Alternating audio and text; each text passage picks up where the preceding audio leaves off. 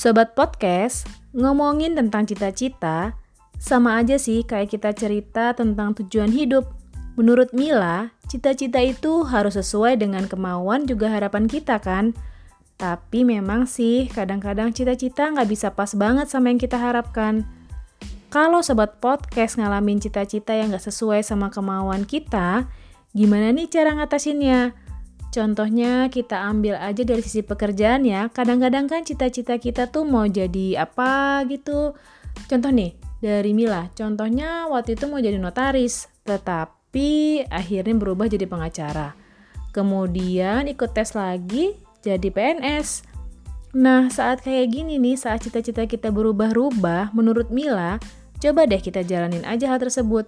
Coba untuk mengenal lebih dalam tentang pekerjaan atau profesi itu, karena dengan kita mencoba untuk memulai mengenalnya, maka lambat laun akan ada sisi di mana kita merasa nyaman, merasa nyambung, klik juga dengan pekerjaan itu. Walaupun memang semua itu perlu proses dan waktu. Kan memang dalam kehidupan gak ada yang instan. Jadi sobat podcast tetap semangat walaupun terkadang cita-cita kalian itu berubah. Gak sesuai sama angan-angan, gak kesampaian ataupun ya apa pun itu deh. Pokoknya tetap jalanin ya. Semangat selalu, tetap dengerin podcast Suara Hati Mila. Salam sayang dari Mila.